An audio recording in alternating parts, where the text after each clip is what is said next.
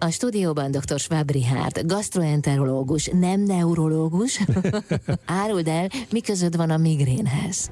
Hát ez a Bélagy tenger, ez az utolsó tíz évben egy, egy, egy nagyon nagy lendületet kapott a mikrobiom kutatás révén.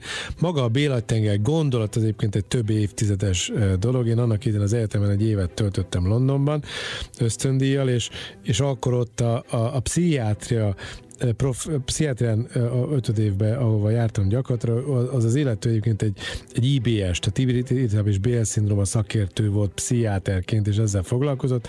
Hát akkor tényleg rengeteget olvastam erről. Őszintén megmondom, nem sokat értettem belőle. Utólag mentségemre szolgálni, nem is sok értelme volt annak a, a sok kutatásnak, amit abban az időben erről lehetett tudni, de azért inspiráló volt, hogy abszolút a, ilyen biokémia alapra próbálták már akkor helyezni ennek a, a betegségnek is a patomechanizmusát, tehát a kórélettanát, a kóroktanát, és úgy tűnik, hogy a migrén vonatkozásában is döntő áttörés van, és az utolsó 10-15 évben egyébként a, a különböző felfájás szindrómák összefüggésében is hát érdekes összefüggéseket találtak. Ezek nem lezárt dolgok. Én inkább úgy szeretném ezt mondani, hogy vannak olyan kutatók, akik ahhoz hasonlóan látják, mint amit én ezt el fogok ezügyben mondani. Ez intenzív, hogy mondjam, kutatás és vita tárgya most is még szakmai berkeken belül, de én ezt nagyon-nagyon plauzibilisnek látom.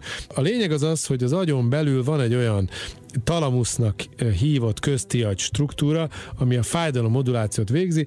Ugye nagyon nem mindegy, hogy evolúciós szempontból is, hogy, hogy egy adott érzet, egy fájdalom érzet milyen környezetben éri az embert. Tehát, hogyha menekülés közben ér, vagy, vagy egy harc közben éri az embert a fájdalom, azt nagyon másképp kell értékelni, mint hogy egy full relaxált helyzetben. És, és gyakorlatilag úgy tűnik, hogy az a talamusz az, ami ezt a fájdalom relé mechanizmust szabályozza. Minden érző rost egyébként, ami a kérek felé megy, az áthalad ezzel a talamuszon, átkapcsolódik, és, és ennek a talamusznak a a relé mechanizmusát pedig hat olyan tényező szabályozza, ami gyakorlatilag az életmódunkkal nagyban összefügg, ez az alvástól, a, az általában stressz szituációk, a fényszennyezés, táplálkozással összefüggő, a vércukorszint ingadozás, a, a hisztamin, ami ugye, ugye a gasztrentrológusoknak a hisztamin intolerancia révén ugye egy, a barrier épség, a bélhám áteresztő képesség és a barrier épségével összefüggően egy nagyon fontos mediátor.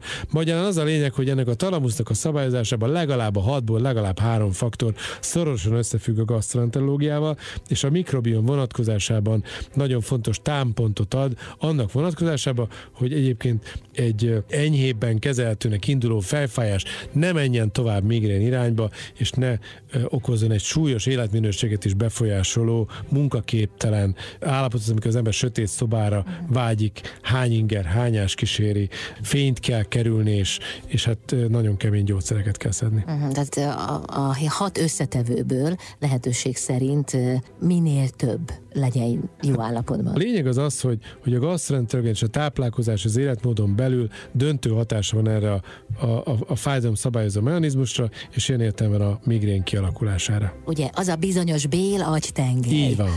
Köszönöm szépen. Én is nagyon köszönöm a figyelmet. Dr. Schwab Richard, gastroenterológus volt a vendégem itt az Intermedzóban.